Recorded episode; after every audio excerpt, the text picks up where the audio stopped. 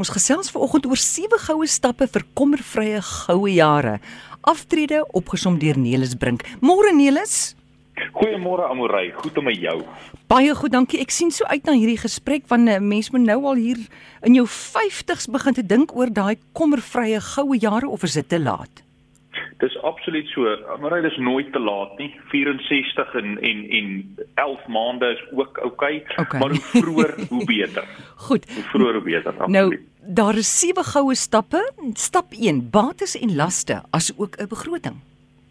Dis op die nommer Amorey. So die eerste ding wat 'n mens moet aanpak as jy begin beplan vir jou aftrede is om 'n lysie van bates en laste bymekaar te sit. Want wat tipies gebeur is die tipiese uh, persoon wat naby aftrede kom, fokus so op wat moet gebeur met my pensioenfonds dat hulle vergeet dat daar 'n leeftyd van bates en laste bymekaar gemaak is van klein aftrede aan die tydjies, spaarrekeninge, eiendomme, voertuie en dis dalk 'n goeie tyd om net te gaan sit en hierdie goed mooi op te som en te kyk presies wat is jou finansiële posisie. En dan die volgende ding wat natuurlik van kritiese belang is en van die stoere begroters daar buite gaan nou lag om te dink dat daar mense is wat dit nie doen nie. Maar is om weer te gaan sit en 'n begroting op te stel en presies te gaan bepaal hoeveel rand het ek 'n maand nodig om my verpligtinge na te kom. Want die verpligtinge verander tipies nadat 'n mens jou werk of jou dag tot dag verpligtinge 'n bietjie aanpas. Goed, en dan hoe belangrik is 'n noodfonds? Kyk, hoekom 'n noodfonds ongelooflik belangrik is by aftrede is natuurlik toegang tot kapitaal. Die tipiese aftreeprodukte daar buite is gebou om vir mense te sorg op 'n maand tot maand basis, dit wil sê jou jou inkomste te vervang. Maar onbeplande nooduitgawes moet in 'n aparte element beplan word voor. Natuurlik die belangrikste ding van daai noodfonds. Hy moet ook blootgestel word aan 'n belegging waar hy groei. So wat ek daarmee bedoel is as 'n mens noodfonds in jou bankrekening los, laat hy net teen die bank se 1 of 2% groei. Gaan jou noodfonds nie byhou by inflasie nie, en wat dit natuurlik gaan beteken oor so 5 na 7 jaar van nou af gaan jy heeltemal te min geld in jou noodfonds hê om vir jou te sorg. Goed, en dan hoe werk vermaaklike-uitgawes en kan mens nou nog daaraan dink aan daai leekse? Dis natuurlik 'n baie baie belangrike vraag, Amorey. Ons kan nie net die hele dag sorg vir nood en al hierdie lelike goed soos hospitaalrekeninge en motorvoertuie wat ontklaar raak nie. Ons moet dan dink aan die lekker dinge in die lewe ook, soos vakansie hou en gaan kuier vir die kinders wat dalk in 'n ander provinsie bly. Dis nou bygesê sodra ons weer mag of selfs 'n selfs 'n oorseese reis. En dit is die beste manier om daai tipe uitgawes aan te pak met rente en dividende verdien uit die mark eerder as om in jou kapitaal in te vreet. So dit kom terug by die eerste gedeelte van jou noodfondsbeplanning. Maak seker daai geld is nie net in 'n bankrekening nie, maar is ook in 'n toeganklike voertuig belê waar dit groei sodat ons daai lekker vermaaklikheid uitgawes ook kan dek. Goed, en dan risikobeplanning? Risikobeplanning natuurlik van kritiese belang twee groot elemente in risikobeplanning. Eerste ding, wat gebeur as ek siek word? Nou siek word vir my beteken jy word siek van so 'n aard dat jy verdere versorging en verpleging nodig het. So dit beteken daar skielik 'n drastiese addisionele uitgawe vir 'n verswakte versorgingseenheid op 'n maandelikse basis. Daar's dit baie belangrik dat jou inkomste opsie die buigsaamheid bied om hierdie skielik onbeplande verhoogde mediese uitgawes te kan dek. So om dit op te som, die buigsaamheid is verskriklik belangrik. En dan die tweede punt wat ons ook moet in ag neem by risikobeplanning, wat natuurlik gebeur sou ek tot sterwe kom. Ek wil jou gou daar stop voordat ons by die ja. by die dood kom. Daai buigsaamheidsopsie, brei bietjie meer uit hmm. daar. So mense het essensieel twee verskillende opsies om aan te vang met jou pensioen of voorsorgfonds. Ek en jy het dit lekker in 'n in 'n vorige program ook uitmekaar getrek waar ons gesels het oor die lewende anniteit en natuurlik 'n gewaarborgde anniteit.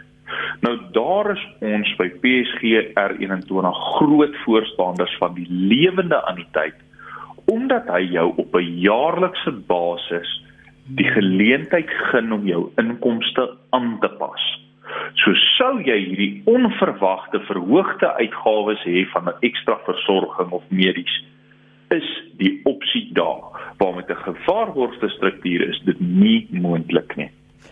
Goed, nou as ek tot sterwe kom, daai belegging Nou tot sterwe kom, natuurlik van kritiese belang is hoe gaan jou mense wat van jou afhanklik is, tipies jou gade of dalk nog van jou kinders, hoe gaan hulle einde van die maand se verpligtinge nakom? Dis gewoonlik die grootste bekommernis want deesdae, veral met die druk in die land op die pandemie, ja.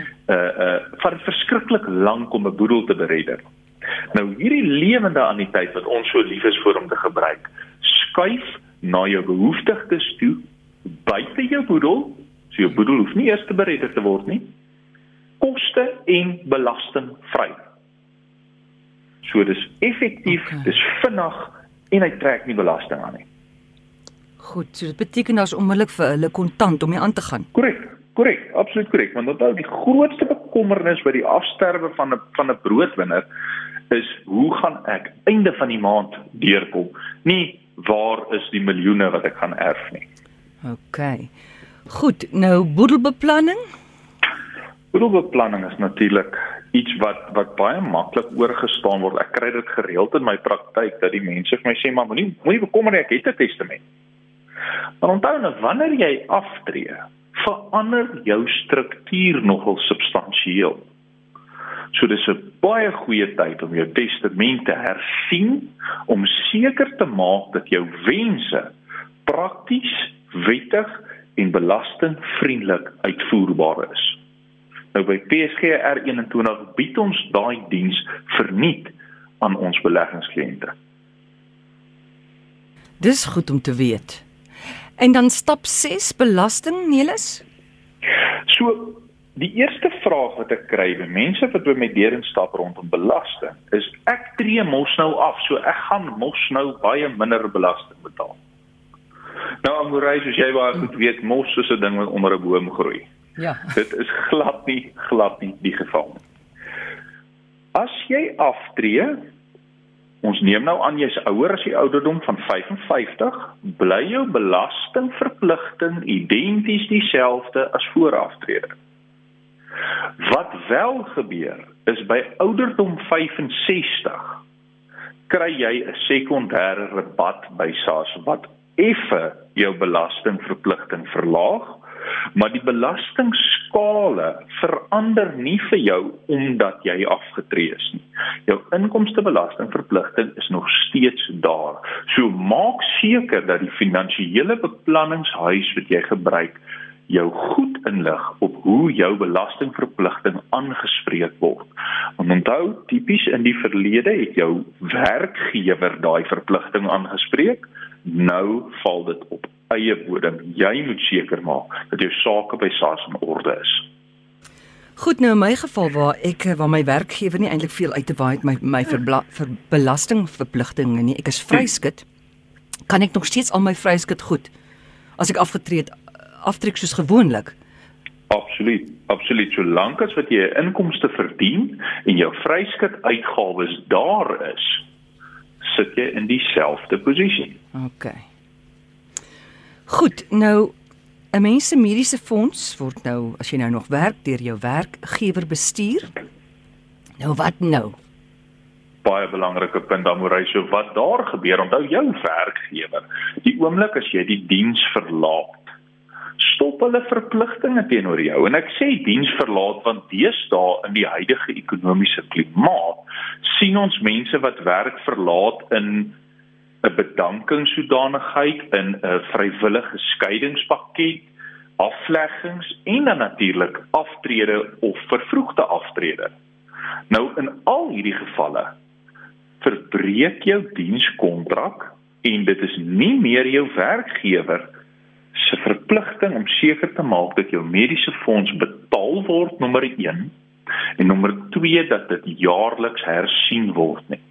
So dan moet jy seker maak dat jou finansiële beplanningshuis wat jy gebruik reg geposisioneer is om jou te kan help om eerstens jou betaalverpligting te verskuif na jou, jou persoonlike rekening toe en dan natuurlik tweedens daar vir jou kan wees as 'n tussenganger dat wanneer jy 'n krisis het met jou mediese of moet aansoek doen vir eise of natuurlik net jou opsie wil verander dat hulle jou kan help en jy nie met 'n telefoniese belsentrum hoef te sukkel of met mense wat jy nie verstaan wat moet gebeur nie.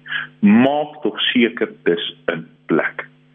Goed, dis dan nou stap 7 van die 7 goue stappe vir kommervrye goue jare. Jy het nie nog daar vir ons 'n geheime stap nie wat jy in jou sak hou daar's altyd 'n geheime stap vir die luisteraars wat vasbyt tot aan die einde.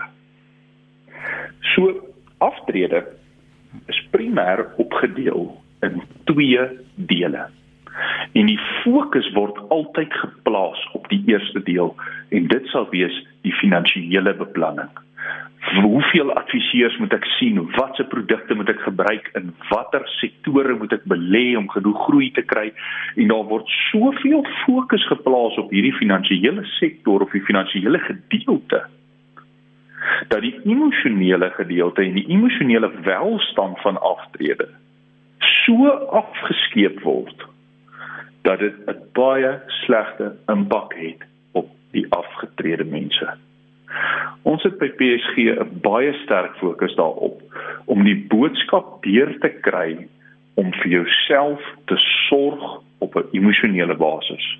Onthou as jy werk met 'n firma soos PSG wat na jou kyk en wat die regte besluite namens jou neem, is jou finansiële kant in orde. Daai boksie is is is opgevou en hy's veilig. Maak seker dat jou stokperdjies of dalk addisionele werk daar is en in plek is dat 'n ou nie op die voorspreek spreek woordelike russtel gaan sit sodra jy by die huis kom na 40 jaar se werk want na 'n jaar van daai bank sit of of of nie 'n doel het om uit te rig in die lewe nie. Word mens oud en word mens siek so maak seker jy het net soveel moeite soos wat jy in jou finansiële beplanning ingesit het. Ingesit in hoe jou lewe gaan werk na aftrede. Dis wonderlike jare wat vir mens voorlê as jy dit reg benut. Ja, en ons gaan nog vir so lank leef, né? Nee. Natuurlik. Neelis, het jy al gedink wat jy gaan doen vir jou emosionele aftrede? Ek dink dit is baie belangrik om uh as ons nou kyk na nie om nou te filosofies te raak nie, maar om te gaan kyk na na na Maslow se hiërargie. Selfaktualisering is ongelooflik belangrik. So ek dink ek sal verder wil betrokke raak by die gemeenskap om te kan teruggee aan die jonger generasie of dit nou deur opleiding is of klas gee of ontwikkelingsprogramme maar om die kennis wat wat mens mee geseënd is om op te bou deur 'n lewe van 'n werksloopbaan te kan hmm. terugploeg in die volgende generasie. Ja, weet jy, eh, laat die mense net kan besig bly ook, né? Bly net besig. Dis die ding. En 'n belangrike punt wat jy aangeraak het, Amorey, is die mense word ouer, maar Suid-Afrika is nog baie ver daarvan af in my opinie om ons aftree ouderdom aan te skuif omdat ons so hoë werkloosheidssyfer het. Hmm. So nou tipies begin die gemiddelde mens in die situasie instap waar hulle langer afgetree is as wat hulle gewerk het. Dis 'n vreesaanjaende ding om aan te dink. So jy moet seker maak dat jy twee goed navolg. Nommer 1 is uit jou finansiële beplanning oogpunt, moenie meer geld gebruik as wat jou belegging maak nie. Dit is eintlik so eenvoudig soos dit. Weet ons ons ons finansiële industrie kan dit partymal vreeslik oorkompliseer. Dit is so eenvoudig soos dit. Moenie meer gebruik wat jy maak nie, dan sal jou geld so lank hou soos jy. En dan natuurlik tweedens maak seker jy sorg vir jouself op 'n emosionele basis en as jy die balans tussen daai twee goed reg kry, kan jy nog 50 jaar leef na aftrede en alles sal in orde bly. Niels, was jy wat is die beste finansiële raad wat jy al ooit gekry het? En hoe oud was jy? En, en hoe oud was jy? Dalk was jy 6 jaar oud of 9 jaar oud. Dit is dit is so. so uh, ek moet nou mooi dink hoe oud was ek, maar ek moet sê ek het 'n bietjie 'n onregverdige voordeel ek het in 'n in 'n finansiële beplan as huis groot geword, maar ek dink ek was so 10 jaar oud gewees. Wat wat my pa my neergesit het en vir my gesê het, dit is die belangrikste ding is om die inkomste wat 'n mens verdien, of dit nou jou R5 sakgeld is en of dit nou jou R50000 inkomste is en of dit jou R500000 hoofuitvoerende bestuurder salaris is om genoeg daarvan weg te sit. Hmm. En die rede daarvoor is finansiële vryheid. Ek wil probeer as ek as ek die luisteraars met 'n ding kan los wat wat nog werk in daai rigting breek weg van aftrede af van daai woord. Ons moet daai woord vervang met finansiële onafhanklikheid. So so so moenie so noodwendige datum daaraan knoop nie. So gou as wat jy kan, moet jy in 'n posisie kom dat werk vir jou 'n opsie is en nie 'n verpligting is nie. Om genoeg geld weggesit te kry om dit te kan doen. Goed, Niels, waar kan mense jou in die hande kry? So ek het drie plekke waar hulle vir ons kan bykom. Die eerste plek natuurlik is op e-pos. Daar kan hulle vir ons stuur aan wealthroot21@psg.co.za. Ek weer daai adres wealthroot21@psg.co.za. Dan kan ons skakel by ons landlyn op 0861662346 of hulle kan natuurlik vir ons 'n WhatsApp stuur na 073 9910583. Baie dankie Nelis, ons gesels gou weer. Amorey, dankie vir jou, ek waardeer dit. Groot plesier. Dit is finansies op RSG. Aangebied deur Nelis Brink van PSG Wealth R21 in Pretoria en Stellenbosch.